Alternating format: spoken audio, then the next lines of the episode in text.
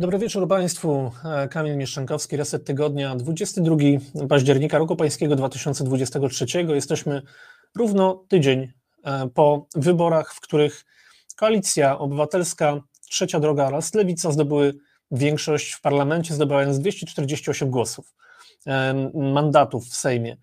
E, co to oznacza? To oznacza, że wszelkie mm, E, obietnice, które były składane w trakcie kampanii e, wyborczej dotyczące rozliczenia PiSu, e, najprawdopodobniej się spełnią. Być może nie wszystkie, ale mm, zdaje się, że znakomita większość z nich. Dlatego dzisiaj chciałbym porozmawiać o tym, w jaki sposób nowa władza będzie mm, mogła podejść do tego typu rozliczeń. I dzisiaj moim gościem, którego zaprosiłem, jest wspaniała prawniczka, pani Magdalena Matusiak-Frącczak. Zapraszam Magdo. Dobry wieczór. Dobry wieczór, dobry wieczór Państwu. Witamy serdecznie wszystkich i, i mm, może ja na początku przedstawię, chociaż chyba nie trzeba, Magda Matusiak-Frącczak, adwokat, doktor nauk prawnych od 2014 roku, o specjalności prawo europejskie i międzynarodowe, adiunkt w katedrze Europejskiego Prawa Konstytucyjnego oraz profesor wizytujący jeden z uniwersytetów e, w Indiach. Wszystko się zgadza? Wszystko się zgadza. Super. To może przejdźmy do tematu naszej rozmowy, bo, e, bo wydaje się, że, że dzisiaj to jest bardzo taki, powiedziałbym, gorący temat, o którym e, wiele osób rozmawia, ale niewiele tak naprawdę osób wie, jak, jak ten proces może się zakończyć w sensie rozliczania PiSu. Wydaje się, że E, że e, pomimo, tego, że PiS zabetonował całkowicie prokuraturę, e, gdzie pan Barski, który jest właściwie chyba świadkiem na ślubie pana Ziobry, będzie teraz prokuratorem generalnym, którego nie będzie można usunąć bez zgody pana prezydenta Dudy, ale gdzieś jednak są pomysły na to, żeby te rozliczenia jednakowoż przeprowadzić. E, I Magdo, chciałbym zacząć, zacząć chronologicznie tak naprawdę od pierwszej rzeczy, która się wydarzyła, która e, tak naprawdę e, spowodowała dosyć duże poruszenie gdzieś w, w, przestrzeni politycznej, a pierwszą taką rzeczą, którą zrobił PiS, to było nieopublikowanie wyroków Trybunału Konstytucyjnego przez Beatę Szydło. Ja przypomnę, na czym to polegało. Wyroki wydawane przez Trybunał Konstytucyjny jeszcze wtedy, stary Trybunał Konstytucyjny pod rządami poprzedniego prezesa, na przełomie lat 2000 i 2016 wydawał wyroki, które nie były publikowane przez rząd, pomimo tego, że zobowiązuje ich do tego Konstytucja Rzeczpospolitej Polskiej. Kluczowi świadkowie w trakcie e, zeznań e, mieli e, zgodnie stwierdzić, że to premier Beata Szydło osobiście wydała polecenie, aby nie publikować tych wyroków. I mimo to, według doniesień, prokuratura nie przesłuchała szefowej rządu, i umorzyła śledztwo w tej sprawie. Czy jest możliwość powrotu do tego śledztwa i czy jest możliwość pociągnięcia Beaty Szydło do odpowiedzialności za złamanie konstytucji? E, jest możliwość powrotu do tego śledztwa. E, czy za złamanie konstytucji? Ja powiem tak, ja jakby nie jestem zwolennikiem za bardzo e, odpowiedzialności konstytucyjnej. Ja w przypadku tej władzy absolutnie jestem zwolennikiem odpowiedzialności karnej, tak? I tutaj w tym przypadku akurat typowo y, będziemy mieli do czynienia ze spełnieniem dyspozycji artykułu 230 paragraf 1 kodeksu karnego, tak? Czyli funkcjonariusz publiczny, który przekraczając swoje uprawnienia lub nie dopełniając obowiązków działa na szkodę interesu publicznego lub e, prywatnego, podlega karze pozbawienia wolności do lat trzech. W związku z tym akurat y, tutaj tak to przestępstwo będzie mogło być ścigane. E, przynajmniej z tego, z tego tutaj, tak, e, z, z tegoż e, artykułu pani Beata Szydło będzie mogła być ściga, ścigana. No i druga taka kwestia zasadnicza, o której wszyscy, wszyscy powinniśmy pamiętać, bo już no, trochę czasu od tego minęło, tak, ten brak publikacji wyroków Trybunału Konstytucyjnego to był rok 2015, no i mamy nasz wspaniały artykuł 44 Konstytucji bieg przedawnienia przestępstw nieściganych z przyczyn politycznych się nie rozpoczyna bądź też nie biegnie w czasie trwania takiej przeszkody, tak? Więc yy, i ten bieg ulega zawieszeniu do czasu ustania tych przyczyn. Czyli tak naprawdę dopiero w momencie, kiedy efektywnie stanie się możliwe ściganie Beaty Szydło za to, tak? Czyli na przykład, y, no załóżmy, tak, że pan prokurator Barski będzie to blokował, tak, bo akurat tym, tym śledztwem się wyjątkowo zainteresuje, będzie to blokował, uniemożliwiał podjęcie czynności, to no niestety trzeba będzie e, wziąć tak e, na wstrzymanie, zacisnąć zęby, przeczekać do końca kadencji Andrzeja Dudy, i po wyborze nowego prezydenta y, zmienić te przepisy o prokuraturze, które rzutem na taśmę tak, wprowadziła Zjednoczona Prawica, które pozwalają jej zabetonować układ Ziobry w prokuraturze tak naprawdę. No tak, to teraz bez... mówisz coś bardzo, coś bardzo strasznego dla ludzi, którzy żądają krwi i rozliczenia PiSu, bo mówisz, że będziemy musieli poczekać dwa lata. Natomiast z tego, co Ale ja wiem... to nie jest straszne. Są, są próby podejmowane w kontekście właśnie pana Barskiego i jego zabetonowania, e, chociażby poprzez zmianę regulaminu prokuratury i jakieś tutaj osłabienie jego bądź wzmocnienie szeregowych prokuratorów w kontekście, no w kontekście oczywiście tych działań politycznych, które będzie prawdopodobnie podejmował.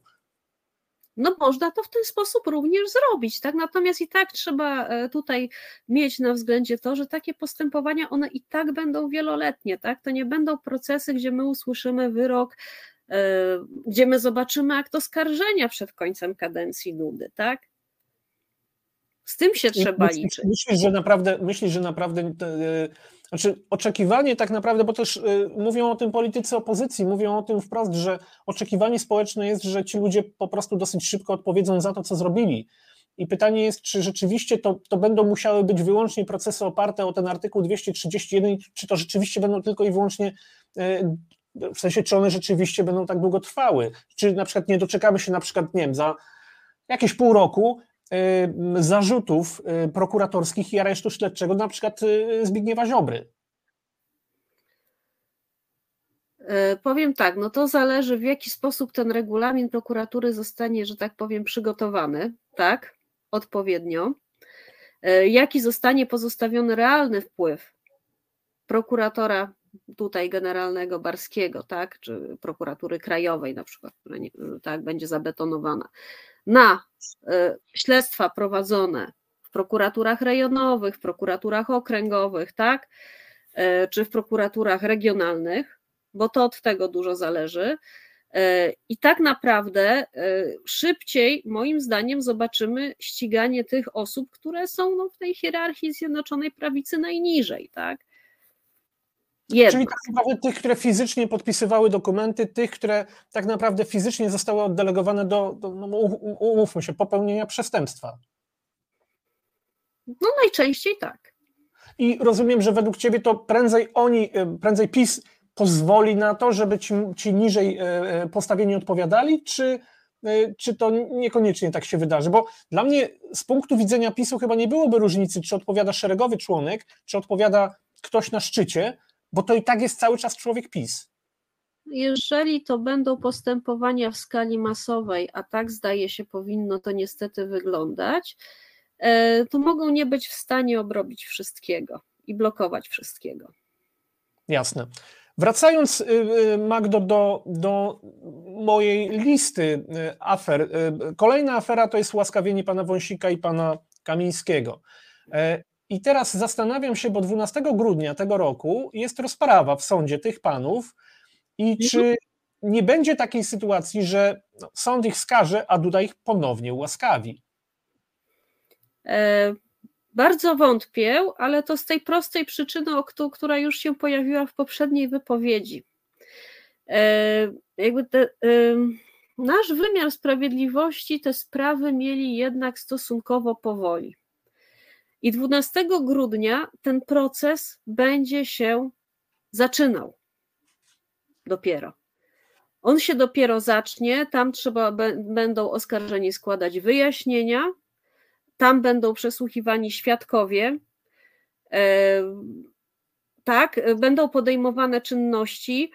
E, jest pytanie, czy ze wszystkimi rozprawami, tak, biorąc pod uwagę, że może dojść kwestia jakichś zwolnień lekarskich i tak dalej, chociaż przepisy obecne powiedzmy jakby tutaj pozwalają mimo wszystko na przeprowadzanie pewnych czynności, nawet przy, przy zwolnieniu lekarskim, chociaż akurat no to moim zdaniem jest nie do końca zgodne z konwencją, ale tak pozwalają robić, to przeprowadzenie wszystkich czynności i tak może znowuż doprowadzić do sytuacji, kiedy ten pierwszy nieprawomocny wyrok w sprawie zapadnie już po upływie kadencji Dudy, tak? My tutaj na, ja na co dzień funkcjonuję w tych realiach e, procesów, tak?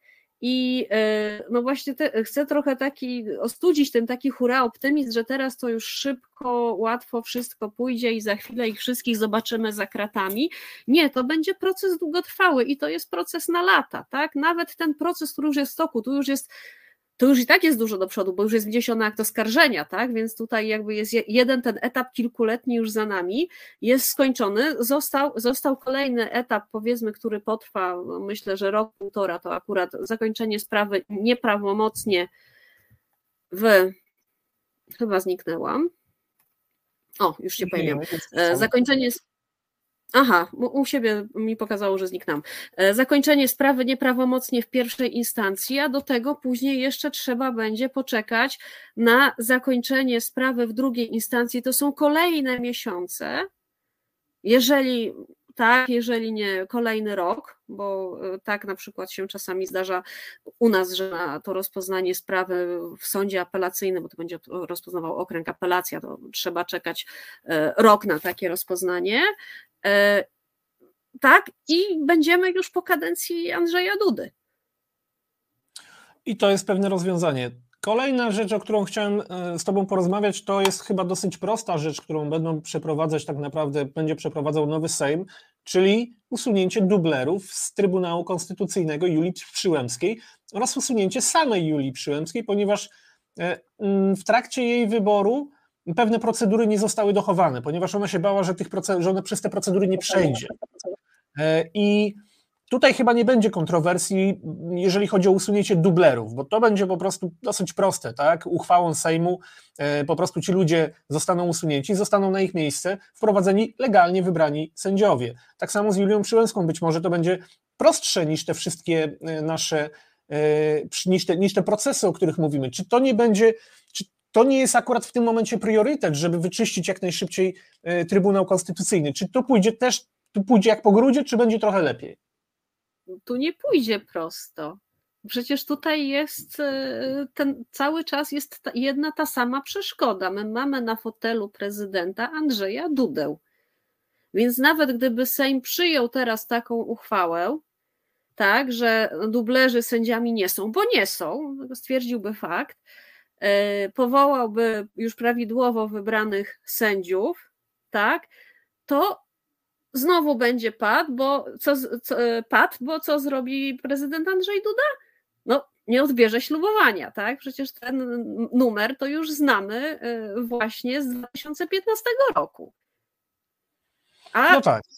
Możemy być pewni, jeżeli ma jakiś interes prezydent Duda wykonać, to wykona interes partyjny i tylko i konkretnej jednej partii. Nie zakładasz, że zacznie się wybijać na niepodległość? Nie podejrzewam go to i nie posądzam. Okej, okay, rozumiem. Dobrze. Kolejna rzecz, o której, kolejna sprawa, o której chciałem z Tobą porozmawiać, to jest elektrownia w Ostrołęce. Tutaj chyba yy, yy, no, trudno chyba będzie wskazać winnego, a być może nie, bo defraudacja dokonanych środków publicznych to jest 2 miliardy złotych. To są 2 miliardy złotych utopione w projekt, o którym od samego początku, kiedy jeszcze był w fazie pomysłu mówiono, że jest y, nierealizowalny, nieosiągalny, nieekonomiczny, głupi. E, utopiono 2 miliardy złotych. Jak polskie państwo z Twojej wiedzy i praktyki podchodzi do polityków, którzy marnotrawią pieniądze? Czy możemy kogoś za to pociągnąć do odpowiedzialności, czy to raczej będzie no, tak. nietrafiona inwestycja i nikt nie jest winny? E, powiem tak, no do tej pory przeważnie dużo było utraktowanych w kategoriach nietrafionej inwestycji, dużo spraw. Na to, e, tak, e, co najwyżej na, wchodziła w grę odpowiedzialność z tytułu naruszenia dyscypliny finansów publicznych, ale tutaj, jeżeli chodzi o to naruszenie dys, dyscypliny finansów publicznych, to mm, to tak, no to, no to przeważnie to jak były jakieś zarzuty z, z, tego tytułu, to dotyczyły bardziej jednostek samorządu terytorialnego i tamtejszych włodarzy. Nie było takiego postępowania w skali że tak powiem, e, no, kogoś, kto zarządzał e, budżetem państwa, tak? E, natomiast jak najbardziej z jednej strony to się kwalifikuje właśnie i pod naruszenie dyscypliny finansów publicznych tutaj, tak, z jednej strony, a z drugiej strony ja bym znowuż rozważyła mimo wszystko odpowiedzialność karną osób decyzyjnych, tym bardziej, że przepisy istnieją i to od dawna. Dla odmiany artykuł 296 paragraf Pierwszy kodeksu karnego, kto będąc zobowiązany na podstawie przepisu ustawy, decyzji właściwego organu lub umowy do zajmowania się sprawami majątkowymi lub działalnością gospodarczą osoby fizycznej, prawnej, a taką jest skarb państwa, albo jednostki organizacyjnej nie mającej osobowości prawnej przez nadużycie udzielonych mu uprawnień lub niedopełnienie ciążącego na nim obowiązku wyrządza jej znaczną szkodę majątkową, tak? Podlega karze pozbawienia wolności od trzech miesięcy do lat pięciu. Ja bym tutaj e, rozważyła właśnie zastosowanie e, tego przepisu. Ten sam przepis chyba będzie miał zastosowanie do kolejnej afery, którą chciałbym z Tobą poruszyć, czyli wyborów kopertowych.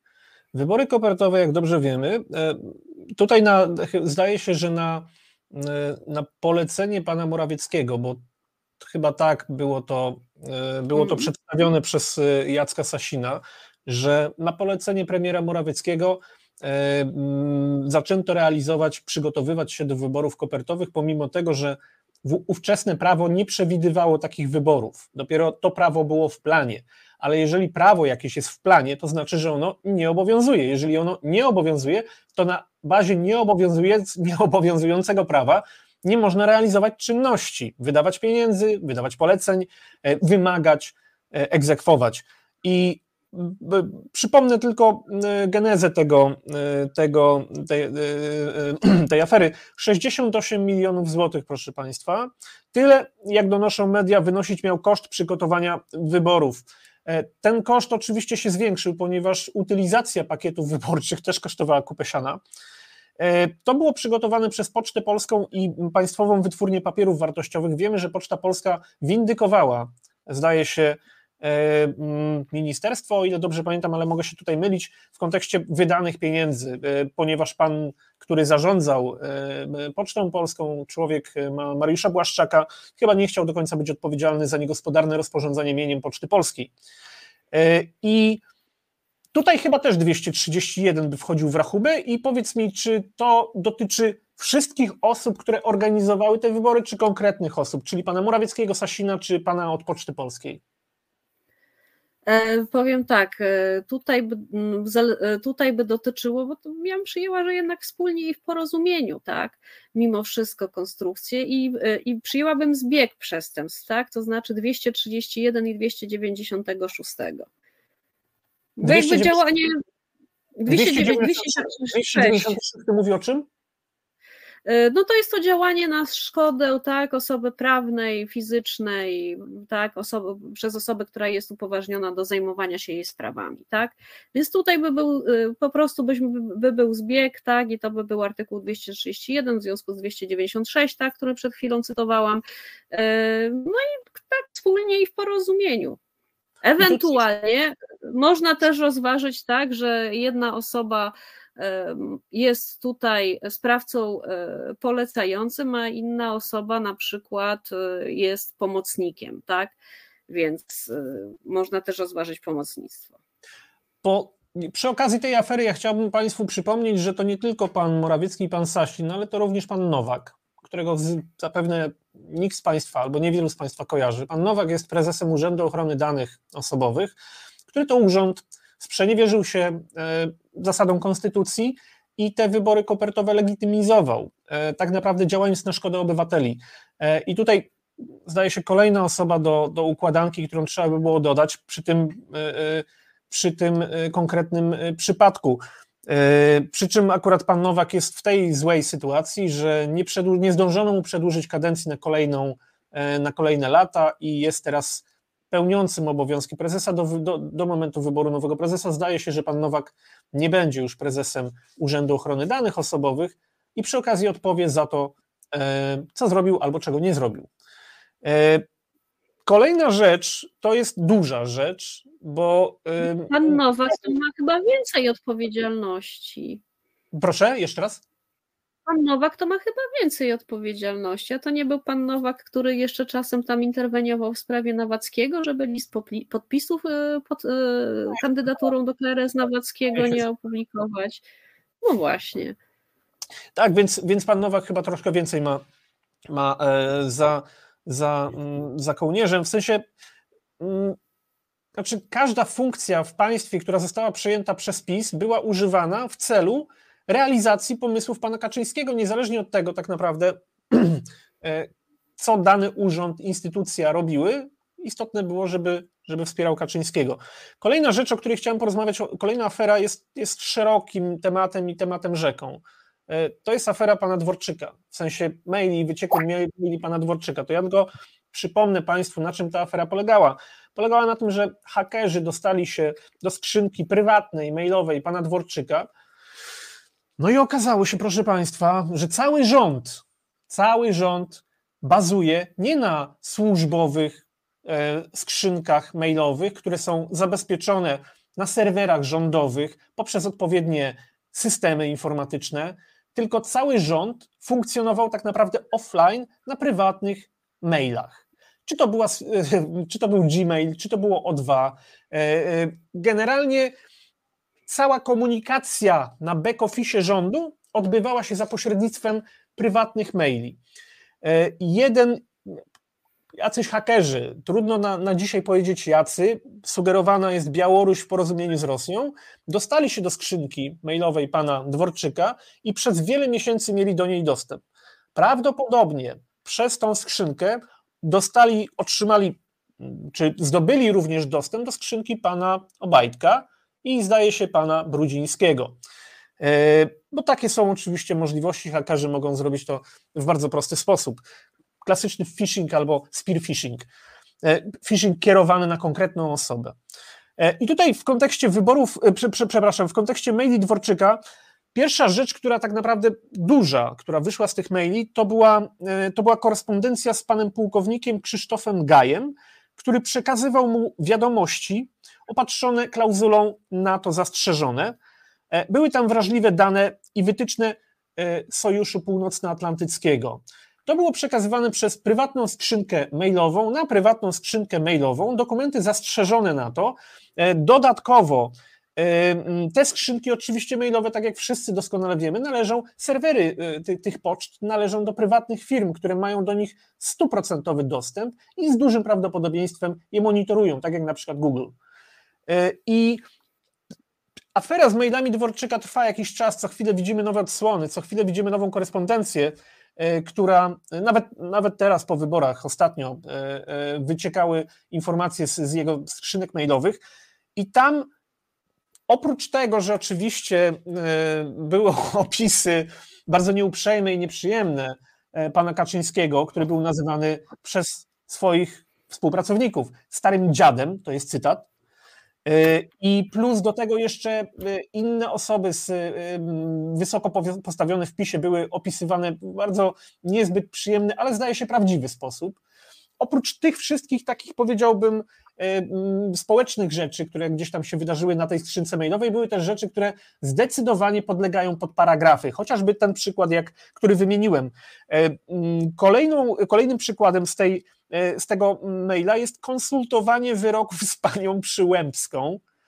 E, to już zupełnie osobna, osobna rzecz. I wśród ujawnionych maili były też takie, e, tak jak wspomniałem, określające niektórych polityków PiSu jako na przykład baba z magla.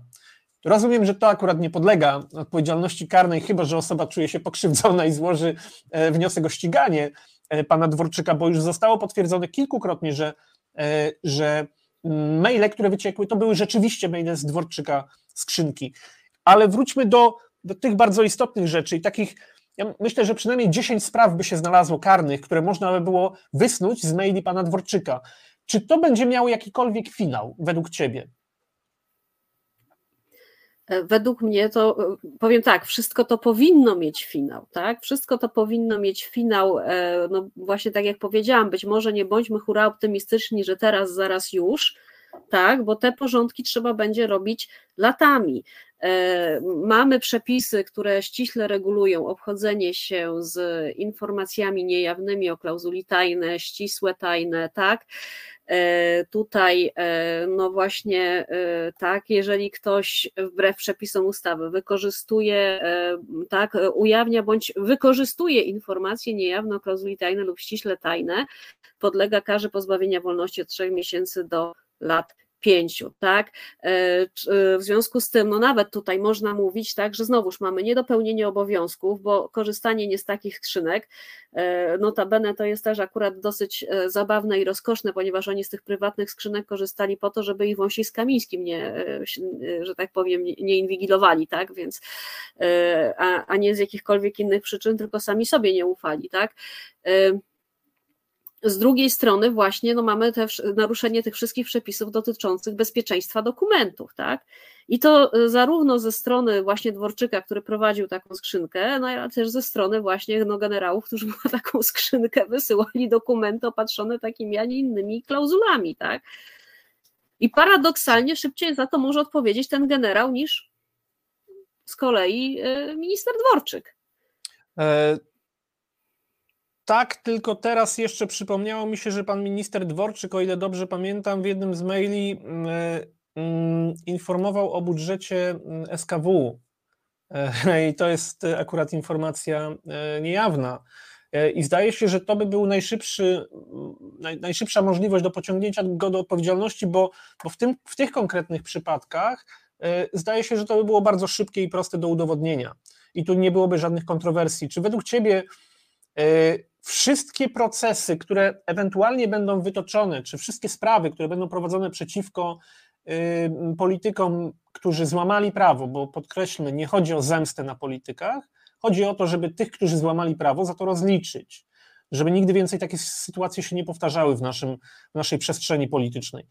Czy według Ciebie wszystkie rzeczywiście sprawy będą musiały trwać długo, czy są niektóre sprawy ewidentne, które no są na tyle ewidentne, że, że bardzo szybko się skończą. E, są sprawy ewidentne, no ta, o której wspomniałeś, jest ewidentna.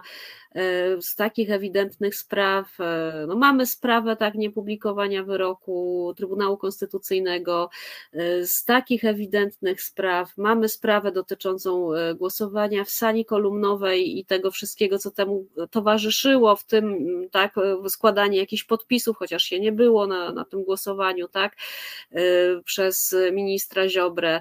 E, mamy z reasumpcję z takich no już zupełnie takich oczywistych oczywistości. To mój kolejny e, temat. Tak, więc, więc tak. tych oczywistych spraw mam i one teoretycznie powinny być, powiem tak, powinny być szyb, szybsze, tak?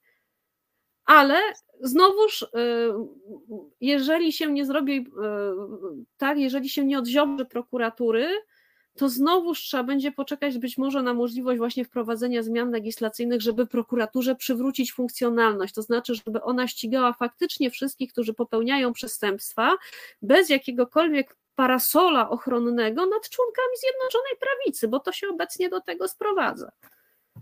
Dokładnie tak.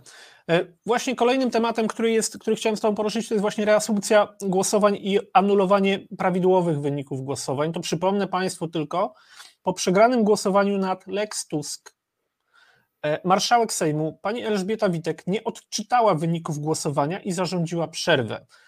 E, po dwóch godzinach zarządziła reasumpcję, wówczas posłowie Kukiz 15 zagłosowali zgodnie z linią partii rządzącej, bo wcześniej zagłosowali przeciw. Zdaniem wielu prawników było to działanie nielegalne, niezgodne z regulaminem Sejmu. E, I czy pani marszałek Witek może szybko za to odpowiedzieć? Czy to jest też taki ewidentny, ewidentny, ewidentne przestępstwo? E, no znowuż tak, trzeba jej uchylić immunitet i to jest ewidentne, tak, bo tutaj złamanie prawa było tak naprawdę oczywiste. Podstaw do żadnej reasumpcji głosowania nie było. Na pewno taką podstawą nie jest to, że ktoś wcisnął nie taki guzik, bo myślał, że wciska na tak, a nie myśli. Podstawą do reasumpcji tego głosowania było nagranie jednej z posłanek, chyba która mówiła Terleckiemu, musimy powtórzyć, bo przegramy. Bo przegramy. Ale to, to wiem, natomiast oficjalnie podali taką wersję, że rzekomo kukizowcy nacisnęli tak w momencie, kiedy mi nacisnąć nie, czy jakoś odwrotnie, tak, i, i przepraszam, ale takie błędy zdarzały się posłom opozycji wielokrotnie, sami, że tak powiem, za to punktowaliśmy między innymi na Twitterze, tak, i nikt z tego powodu nigdy żadnych reasumpcji nie, zarząd, nie zarządzał, tak, także absolutnie takiej podstawy do takiej reasumpcji e, brak, tak, e, już też jakieś powstały mity o jakiejś opinii pięciu prawników, tak. E, no ale to wszystko no jest, to, to, wszystko, że tak powiem, jest, jest nieistotne, bo no, ewidentnie złamanie prawa przez i, i regulaminu Sejmu przez panią Witek. Przypomnijmy, szanownym państwu, że jeżeli polityk, czynny polityk zostanie, czynny poseł zostanie skazany prawomocnym wyrokiem sądu, za przestępstwo umyślne, chyba czy nieumyślne też, ale chyba umyślne. Nie, umyślne, umyślne. umyślne y, to wtedy traci mandat i możliwość y, y, startowania, kandydowania w kolejnych wyborach. Po prostu jest skreślony jako osoba publiczna. I, I chyba to jest tak naprawdę istotne dzisiaj, kiedy mówimy o rozliczeniu PiSu, żeby tych ludzi po prostu się pozbyć. Tych ludzi, którzy łamali prawo. Bo ja Państwu przypomnę, to nie jest tak, że to jest zemsta. To bardziej chodzi o to, że PiS rozliczało poprzednich polityków i wsadzało ich do więzienia, i jeżeli oni byli winni, to tam się powinni dokładnie znaleźć w więzieniu. Natomiast jeżeli byli niewinni, a znaleźli się w więzieniu, w aresztach wydobywczych, to jest coś nie w porządku. I teraz, jeżeli ludzie PiS, mówię ogólnie ludzie PiS, bo nie chodzi mi tylko o polityków, ale też takich ludzi jak pan Obajtek, który w mojej ocenie powinien pierwszy iść do więzienia za sprzedaż y, lotosu. Y, mm, I jeżeli ludzie PiS łamią prawo, a żyjemy w państwie demokratycznym i w państwie prawa dzisiaj, to chyba mamy prawo oczekiwać, że, zostaną, że za to odpowiedzą. E, I właśnie też moje pytanie jest takie, bo wiesz, ja też jestem raptusem, ale myślę, że duża część społeczeństwa po prostu żąda krwi. E, czy według Ciebie politycy opozycji znajdą jakąś furtkę na to, żeby żeby tej sprawiedliwości stało się w miarę szybko zadość, czy według Ciebie to będzie po prostu szło utartymi kolejnami polskiego systemu wymiaru sprawiedliwości? Znaczy, powiem tak, żebyśmy później nie mieli jakichś podstaw do wznawiania e, postępowań, tak? E, czy żebyśmy matko Boże uchowaj, nie musieli wypłacać jakichś odszkodowań za e, tak, naruszenie prawa do sprawiedliwego procesu e, członkom Zjednoczonej Prawicy, e, to no niestety to będzie musiało wszystko się odbyć zgodnie z procedurami, tak? I te ścieżki na skróty najczęściej są jednak ścieżkami błędnymi, tak? Ja bym tutaj, my nie możemy być tak jak oni, my, e, tak, ta nasza strona, ta opozycyjna musi postępować jednak i prowadzić postępowania zgodnie z prawem, z przestrzeganiem wszelkich procedur, więc no, trzeba się liczyć z tym, że być może tej drogi na skróty nie będzie. Mhm. Dobrze. Mm, zgadzam się z Tobą tak naprawdę, bo, bo, dla mnie jest oczywistym, że jeżeli mówimy dzisiaj, że chcemy żyć w państwie demokratycznym, to musimy tych ludzi rozliczyć zgodnie z literą prawa e, i każdy skrót, to już PiS pokazało, że każdy skrót prowadzi wyłącznie w stronę przepaści. E, kolejna rzecz, o której chciałem z Tobą porozmawiać, to jest oczywiście Pegasus. E, przypomnę, Szanownym Państwu, na czym polegała ta awantura. CBA za 25 milionów złotych kupiło od izraelskiej firmy e, narzędzie teleinformatyczne, które się nazywało, nazywa się Pegasus. Pegasus mm, Pegasus, y, jak wykazała Najwyższa Izba Kontroli, to było oprogramowanie, które niekoniecznie było zgodne y, z przepisami prawa. I teraz trochę z mojej działki, bo tutaj chodzi o też między innymi o dane osobowe. Czym był Pegasus? Szanowni Państwo, Pegasus to było, mm, to było narzędzie teleinformatyczne, dzięki któremu można było mieć dostęp do całego telefonu. I mówiąc do całego telefonu, mam na myśli telefony, SMS-y, zdjęcia, czaty, rozmowy, media społecznościowe, wszystko. To jest oczywiście niezgodne z prawem, ponieważ mm, obowiązuje nas wszystkich, obowiązują nas pewne zasady związane z przetwarzaniem danych osobowych, nawet przez policję, nawet przez prokuraturę i nawet przez sądy. I to jest zasada minimalizacji danych, czyli krótko mówiąc, jeżeli nie potrzebujemy większej ilości danych, które są niezbędne do wykonania czynności, to ich po prostu nie zbieramy. I dlatego są podsłuchy na telefonach, a nie ma w działaniu Pegasusa, ponieważ chcemy jako społeczeństwo i jako wymiar sprawiedliwości identyfikować wyłącznie e, działania przestępcze, a nie interesują nas ludzie i ich rzeczy domowe, które się zazwyczaj e, w tych telefonach e, też wydarzają. Krótko mówiąc, Pegasus to było narzędzie do inwigilowania terrorystów i to było dobre narzędzie do inwigilowania terrorystów, natomiast jak już wiemy, doświadczenie pokazało, że Pegasusa kupiły kraje, które chciały inwigilować swoich własnych obywateli. E, I tak się stało między innymi w Polsce. Pegasus inwigilował panią prokurator Wrzosek, pana generała Skrzypczaka, e, Pegasus inwigilował pana mm, nowego posła Kołodziejczaka i wielu, wielu innych ludzi i przede wszystkim pana Brejze, który był wówczas szefem e, mm, sztabu wyborczego Platformy Obywatelskiej w 2019 roku. Ja pamiętam doskonale, jak jeden z Jeden z ludzi, który wtedy pracował w sztabie e, Platformy, mówił w jednym z wywiadów, powiedział coś takiego, że to było trochę dziwne, bo PiS tak jakby wiedziało, jakie oni mają akcje i od razu mieli już odpowiedzi na te akcje. Dziś już wiemy, dlaczego tak się stało, ponieważ pan Brejza był zaatakowany Pegasusem kilkadziesiąt razy e, i jego mm, dane z jego telefonu zostały po pierwsze wykradzione, po drugie zmanipulowane, po trzecie, przekazane do telewizji publicznej i tam y, również w kłamliwej wersji y, pokazane ludziom.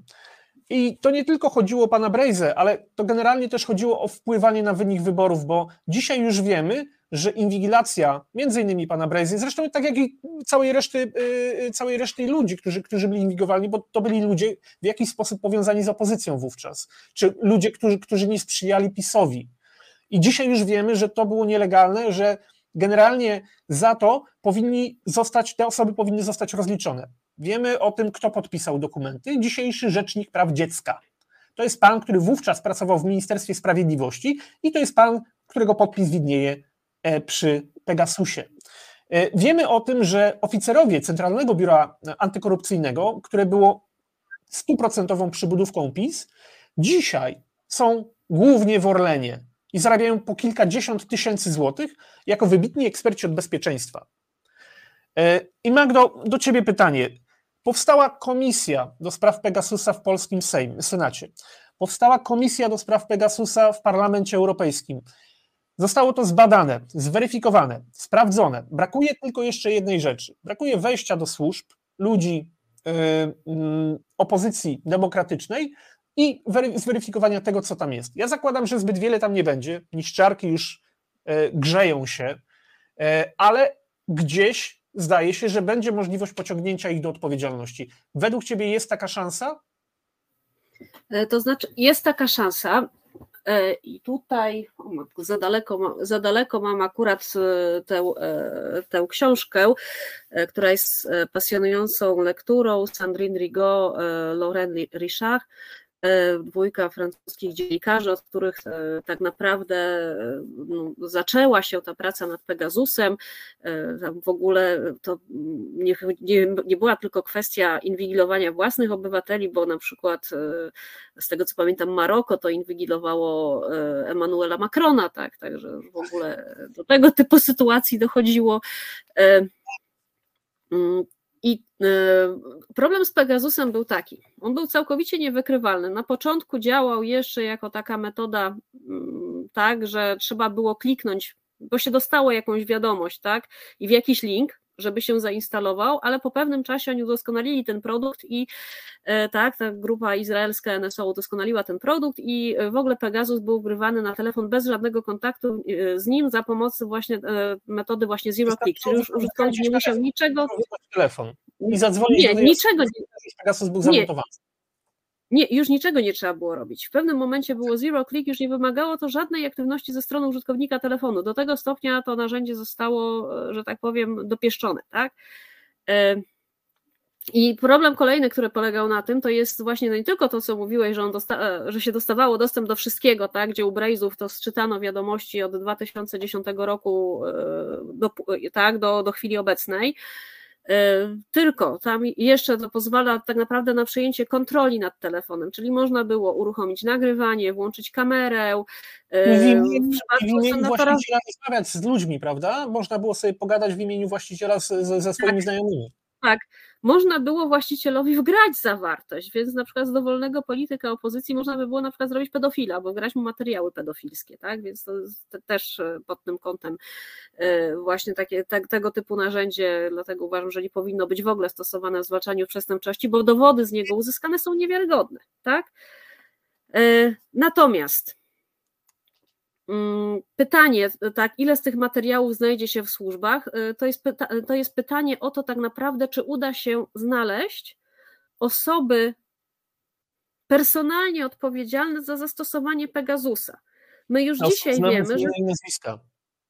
Tak, z imienia i nazwiska, kto podejmował decyzję i kto to prowadził. My wiemy, że w przypadku Brejzów, no to no jednego z głównych aktorów, czyli Święczkowskiego, to umieścili w Trybunale Konstytucyjnym. Tak? On tam się podpisywał pod jednym z wniosków, więc to też przez przypadek zostało ujawnione w, w aferze wrocławskiej, bo tam przez przypadek załączono dokumenty z tej afery. Tak.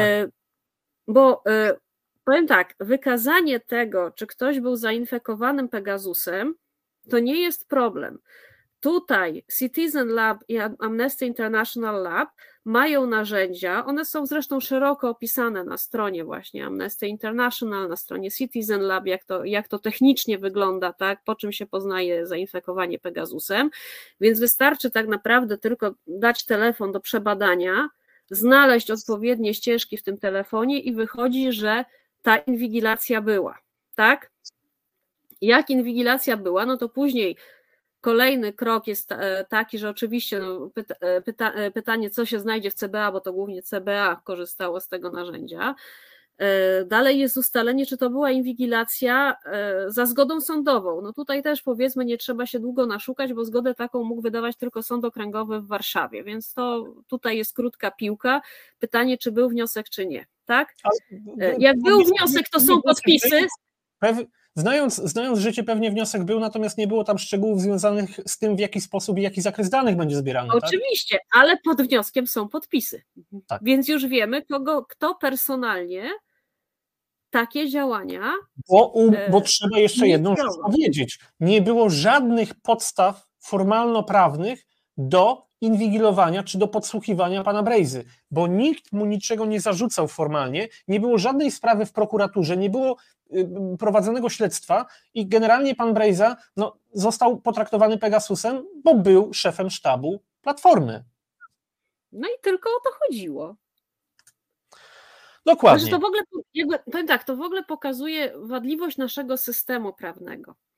E, bo problem jest też taki, że e, w momencie, kiedy ktoś na przykład jest inwigilowany, już nawet nie Pegasusem, ale normalnie, i dobra, wychodzi z tego jakiś czyn zabroniony, są stawiane zarzuty. Taka osoba się dowiaduje, że była inwigilowana, bo to w pewnym momencie w tych aktach sprawy wypływa, tak? Ale z drugiej strony, jak są sytuacje, że ktoś jest inwigilowany i te materiały nie wykażą niczego, to te materiały no, są niszczone i taka osoba nigdy nie dowie się, że była przedmiotem Y, była obiektem inwigilacji ze strony służb. Y, I y, to jest akurat coś, co, co ostatnio badam. Mi się bardzo podobają rozwiązania szwedzkie i brytyjskie. Tam stworzono po prostu osobne sądy, które na wniosek konkretnej osoby badają, czy ta osoba była inwigilowana, czy nie. Okay. No Nawet jak to się nie kończy żadnym aktem oskarżenia czymś takim. I, yy, I powiem tak, to jest coś tak, taki standard, który no biorąc pod uwagę to, co się u nas wydarzyło, yy, to u nas taki wyspecjalizowany, bo to jest zupełnie odrębny sąd, yy, tak, nie, nie, nie, że jakiś wydział funkcjonujący w ramach istniejących już sądów, tylko specjalnie właśnie utworzona jednostka pod tym, do tego celu i tylko tym się zajmująca, tylko zajmująca się inwigilacją, i to jest sąd, który zajmuje się wtedy w całości inwigilacją, czyli i zatwierdza wnioski o inwigilację, ale z drugiej strony też bada później ta, też takie wnioski od tych obywateli, czy my byliśmy inwigilowani, czy to było legalne i tak dalej. Tak, bo też powiem Ci szczerze, bardzo wielu ludzi, z którymi ja rozmawiam, którzy zajmują się bezpieczeństwem, czy gdzieś bezpieczeństwem na styku państwa, mówią o tym, że bardzo wiele sądów kompletnie nie, nie rozumie idei. Hmm, przetwarzania i za, zabezpieczania informacji niejawnych i w bardzo wielu przypadkach służby i prokuratura potrafią bardzo mocno powiedzmy oszukiwać w, w, kontekście, w tym kontekście i to też być może taki byłoby uzasadnienie do powstania takich sądów, powiedziałbym, inwigilacyjnych, ale też dla takich specjalistycznych, powiedziałbym, rzeczy, jak na przykład sprawy w zakresie ochrony informacji niejawnych. Ale kolejna rzecz, bo, bo czas nam ucieka. Kolejna rzecz, mój ulubieniec, człowiek, którego ja widzę już za kratkami, już teraz, pan Obajtek yy, i sprzedaż Lotosu. To ja szybko Państwu przypomnę, na czym to polegało. Orlen sprzedał Lotos 30% yy, yy, udziałów w rafinerii gdańskiej Saudi Aramco, czyli państwowej firmie Arabii Saudyjskiej, która jest oskarżana, znaczy, którą, którą wiemy, że sponsoruje terroryzm, morduje swoich własnych obywateli w swoich własnych ambasadach, generalnie no, niezbyt ludzie. E, I w samym pierwszym półroczu 30% mm, mm, Obajtek sprzedał 30% rafinerii gdańskich e, i w samym pierwszym półroczu 2022 roku rafineria zarobiła 5 miliardów złotych, a została sprzedana za ile? Za 3 miliardy? Jeżeli dobrze pamiętam. Dodatkowo Saudyjczycy uzyskali prawo weta, E, I jeszcze za 610 milionów dolarów PKN musiał sprzedać 417 stacji e, Lotos. Sprzedał je akurat węgierskiemu Molowi, mm, czyli firmie powiązanej z Rosjanami. Tak jak większość firm e, państwowych, powiedziałbym, które gdzieś tam funkcjonują, może nie większość, no ale sporo firm, które funkcjonują w, na Węgrzech, firm energetycznych, jest zupełnie, zupełnie gdzieś tam bardzo mocno powiązanych z, z, z Putinem.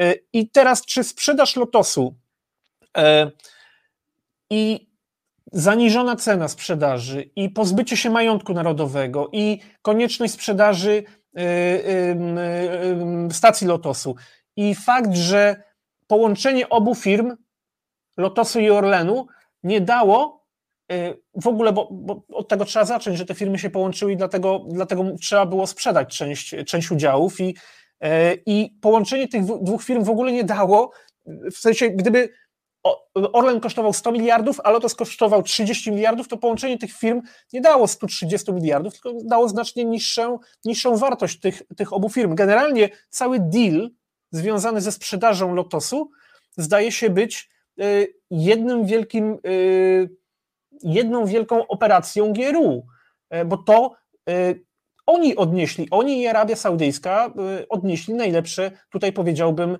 mm, jakieś profity. Czy jest szansa na rozliczenie Obajtka za Lotos? Moim zdaniem jest. I tutaj, y, jeżeli chodzi o, o Obajtka, to w ogóle znowuż wracamy do 296 kodeksu karnego, tak? Bo on jest osobą prowadzącą sprawy Orlenu, tak? Więc za tę transakcję jak najbardziej on odpowiada. Kolejna rzecz, bardzo szybko.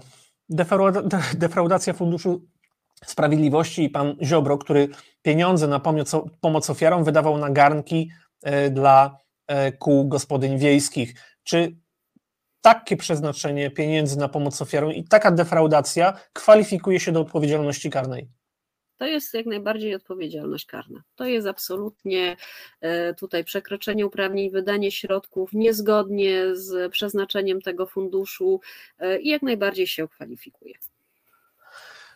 Super. Lecimy dalej bardzo szybko. Dotacje NCBIR to chyba, to chyba jest rzecz oczywista, e, pomimo tego, że szanowni Państwo z PiSu mówią, że oni zastopowali te wszystkie podejrzane transakcje, ale tak naprawdę podejrzanych transakcji chyba będzie znacznie więcej, jak tam wyjdzie niezależna prokuratura. Y, no pytanie, czy wejdzie, bo podobno jakieś nośniki zostały wywiezione do państwa trzeciego, z którym Polska. Tak jest. Dzisiejsze czy wczorajsze doniesienia mówią o tym, że nośniki danych z NCBR-ów zostały wywiezione poza granicę Unii Europejskiej, co też jest notabene z złamaniem prawdopodobnie praw e, związanych z ochroną danych osobowych. Wysadzenie w powietrze budynku komendy wojewódzkiej, komendy stołecznej, e, komendy głównej policji, przepraszam, czy według Ciebie, bo ja tam widziałem pewnego rodzaju rzeczy, bo po pierwsze ta afera była ukrywana, po drugie nie zgłoszono tego gdzieś w, do... Ja wiem, że procedury były naruszone tutaj, wewnętrzne, nie tylko wewnętrzne policyjne, ale też mhm. jakieś rozporządzenia były naruszone. Czy według Ciebie jest szansa na to, żeby pan Szymczak odpowiedział za wysadzenie e, budynku mhm. Komendy Głównej Policji? No moim zdaniem powinien odpowiedzieć. On absolutnie nie powinien mieć żadnego statusu pokrzywdzonego i powinien odpowiedzieć e, i za to, że, e, że ten budynek no, uszkodził poważnie, tak, I, ale i za to, że tak naprawdę no, nielegalnie przywiózł granatnik. Tak. Dobrze, mam nadzieję, że, że jego akurat to spotka, bo, bo mm, to jest pan, który, przypomnę Państwu, wydawał polecenia, żeby legalne demonstracje, pałować kobiety, rozbijać legalne demonstracje, wysyłał biuro y, operacji antyterrorystycznych, które jest, specjalizuje się w łapaniu najbardziej y, groźnych przestępców, wysyłał biuro operacji antyterrorystycznych, żeby pałowało pałkami teleskopowymi kobiety na protestach. Więc y, panu Szymczykowi życzymy bardzo szybkiej emerytury i pozbawienia go tej emerytury i praw do niej. No właśnie, jakiej emerytury chciałam się spytać, bo... Nie, no, zakładam, że teraz ci państwo, w sensie państwo w policji, którzy stali przy nas, jak kilka razy byłem na na e, miesięcznicy i to, w jaki sposób policja brutalnie pacyfikowała legalny protest, to wołał pomstę do nieba. Ci wszyscy ludzie, którzy tam stali w tych kordonach, którzy nas atakowali, powinni za to odpowiedzieć karnie. I pan Szymczyk tak samo. E, kolejna rzecz, kolejna rzecz, Oni którą się chciałbym... sami boją ze sobą stawać. Bo to już są ludzie tacy nieprzeszkoleni, którym się zdarzyło, y, którym się zdarza na przykład no, y, wkładać y, no, niezabezpieczony pistolet do kabury i na, wiem, że na jednej z komend miała miejsce taka sytuacja, że policjantka na szczęście nie strzeliła sobie w stopę, ale ale to są przyjmowani ludzie, którzy są po dwutygodniowym przeszkoleniu, kiedyś to musiało być normalne szkolenie w szkole policyjnej i tak dalej, a teraz no, jeżeli chodzi o te, o te akurat y, osoby wysyłane właśnie na protesty, to, to podobno no, ci policjanci z dłuższym stażem mają obawy, bardziej się boją, że tak powiem, swoich towarzyszy, którzy dopiero co zostali zaciągnięci do policji niż protestujących, tak? Więc ja chciałbym tylko Państwu powiedzieć, że obecnie w garnizonach mm, policji w Warszawie braki są od 25% do 50% y, mm, policjantów. Generalnie garnizon warszawski policji jest kompletnie, kompletnie niedoinwestowany, brakuje kompletnie ludzi i być może dlatego takie E, takie działania, czyli przyjmowanie ludzi, którzy kompletnie się do tego nie nadają, czy przyjmowanie ludzi bez odpowiedniego przeszkolenia, które jest niezbędne. E, będziemy powoli, Magdo, musieli kończyć. Ja chciałem jeszcze poruszyć aferę zbożową, aferę wizową, ostatni film o skokach, czyli pan Sasin, e, który według świadków otrzymywał pieniądze od, od pana E, Piotra P., który jest głównym oskarżonym w aferze SKOK. Chciałbym, chciałem też porozmawiać o TVP i rozliczeniu ludzi, którzy tam, tam pracują, e, ale wydaje mi się, że mm, gdzieś na koniec e, warto powiedzieć, warto powiedzieć tak naprawdę, czego możemy się spodziewać. Według Ciebie, czego możemy się spodziewać, a czego nie powinniśmy się spodziewać. Czyli ja mam gorącą głowę, proszę ją ostuć, a ci, którzy twierdzą, że niewiele się wydarzy, pokaż im, że jednak coś się wydarzy. To znaczy nie, możemy się spodziewać e, rozliczeń, tak? Tylko tyle, że no niestety e, trzeba się będzie uzbroić w cierpliwość. E, możemy się spodziewać sprzątania prawnego tego całego bałaganu, no tylko niestety trzeba się e, spodziewać tego, że pewne rzeczy będą mogły być przeprowadzone dopiero jak nastąpi zmiana w Pałacu Prezydenckim i o ile nastąpi, no bo miejmy nadzieję, że nie będziemy mieć kolejnego partyjnego namiestnika tam na, tak, w Pałacu Prezydenckim, tylko kogoś, kto faktycznie będzie działał niezależnie od partii, tak, i i, e, i po prostu tak, no, ze względu chociażby na polskie interesy czy na odzyskanie KPO, no, pozwoli na przeprowadzenie niezbędnych reform, bo no, tak trzeba cofnąć te i deformy w sądownictwie e, i właśnie te zmiany w prokuraturze, które tam e, mają zabetonować układ Ziobry, tak, to, o czym już dzisiaj mówiliśmy. Jest jeszcze wiele, wiele innych rzeczy, tak, trzeba być może zmienić też regulacje dotyczące właśnie telewizji publicznej, żeby tam się więcej więcej nie powtórzyło to, co mogliśmy oglądać, jeżeli ktoś miał wystarczająco nerwów i samozaparcia, żeby włączyć telewizję publiczną, tak, przez ostatnich 8 e, lat. E, no na pewno możemy się spodziewać tego, że w mediach publicznych no, nastąpią zmiany osobowe, tak? E, pytanie, czy osoby z mediów publicznych da się jakoś e, rozliczyć? No nie wiem, czy tam się da im przypisać jakiś czyn zabroniony, tak? Bo, to, bo tutaj to by miało być podstawą, tak? Czy w mediach publicznych możemy mówić, że e, że to był jakiś czyn zabroniony. No chyba, żeby bardzo, bardzo hura optymistycznie potraktować to wszystkie te osoby i członków Zjednoczonej Prawicy, i osoby z mediów publicznych, tak, jako no, członków zorganizowanej grupy przestępczej, tak, ale no, to może być trudne do wykazania w procesie karnym. Ale, trudne i karkołomne.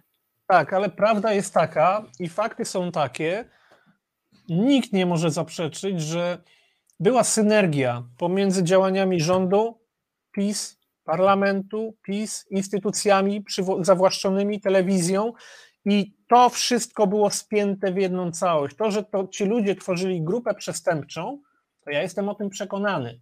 E, natomiast e, czy będzie to do udowodnienia, no to jest rzeczywiście bardzo trudna sprawa. E, Magdo, bardzo Ci dziękuję za dzisiejszy wieczór. Mieliśmy bardzo wielu gości, którzy mam nadzieję wyjdą z naszego dzisiejszego spotkania. Jedni trochę podbudowani, pewnie inni trochę mniej. Ja natomiast chciałbym Państwu powiedzieć, że moja wiedza jest taka, że w przypadku niektórych instytucji, w przypadku niektórych y, mm, no, instytucji y, w Polsce, które obecnie są zawłaszczone przez PiS, są przygotowywane y, przejęcia tych instytucji w sposób, których PiS się nie spodziewa. I być może dzisiaj możemy być sceptyczni co do tego, czy oni będą rozliczeni, czy uda się ich usunąć z tych stanowisk nielegalnie zajmowanych przy, mm, powiedzmy, bądź stanowisk, na których wykorzystywali swoją władzę do, do łamania prawa. To ja chciałbym Państwu powiedzieć, że prędzej czy później to się uda. Pan Duda jeszcze będzie prezydentem przez dwa lata. Za dwa lata pana Dudy już nie będzie i zakładam, że nie będzie to kandydat PiSu, ponieważ przez kolejne dwa lata mam nadzieję, że uda się pokazać całemu społeczeństwu, w jaki sposób PiS działało.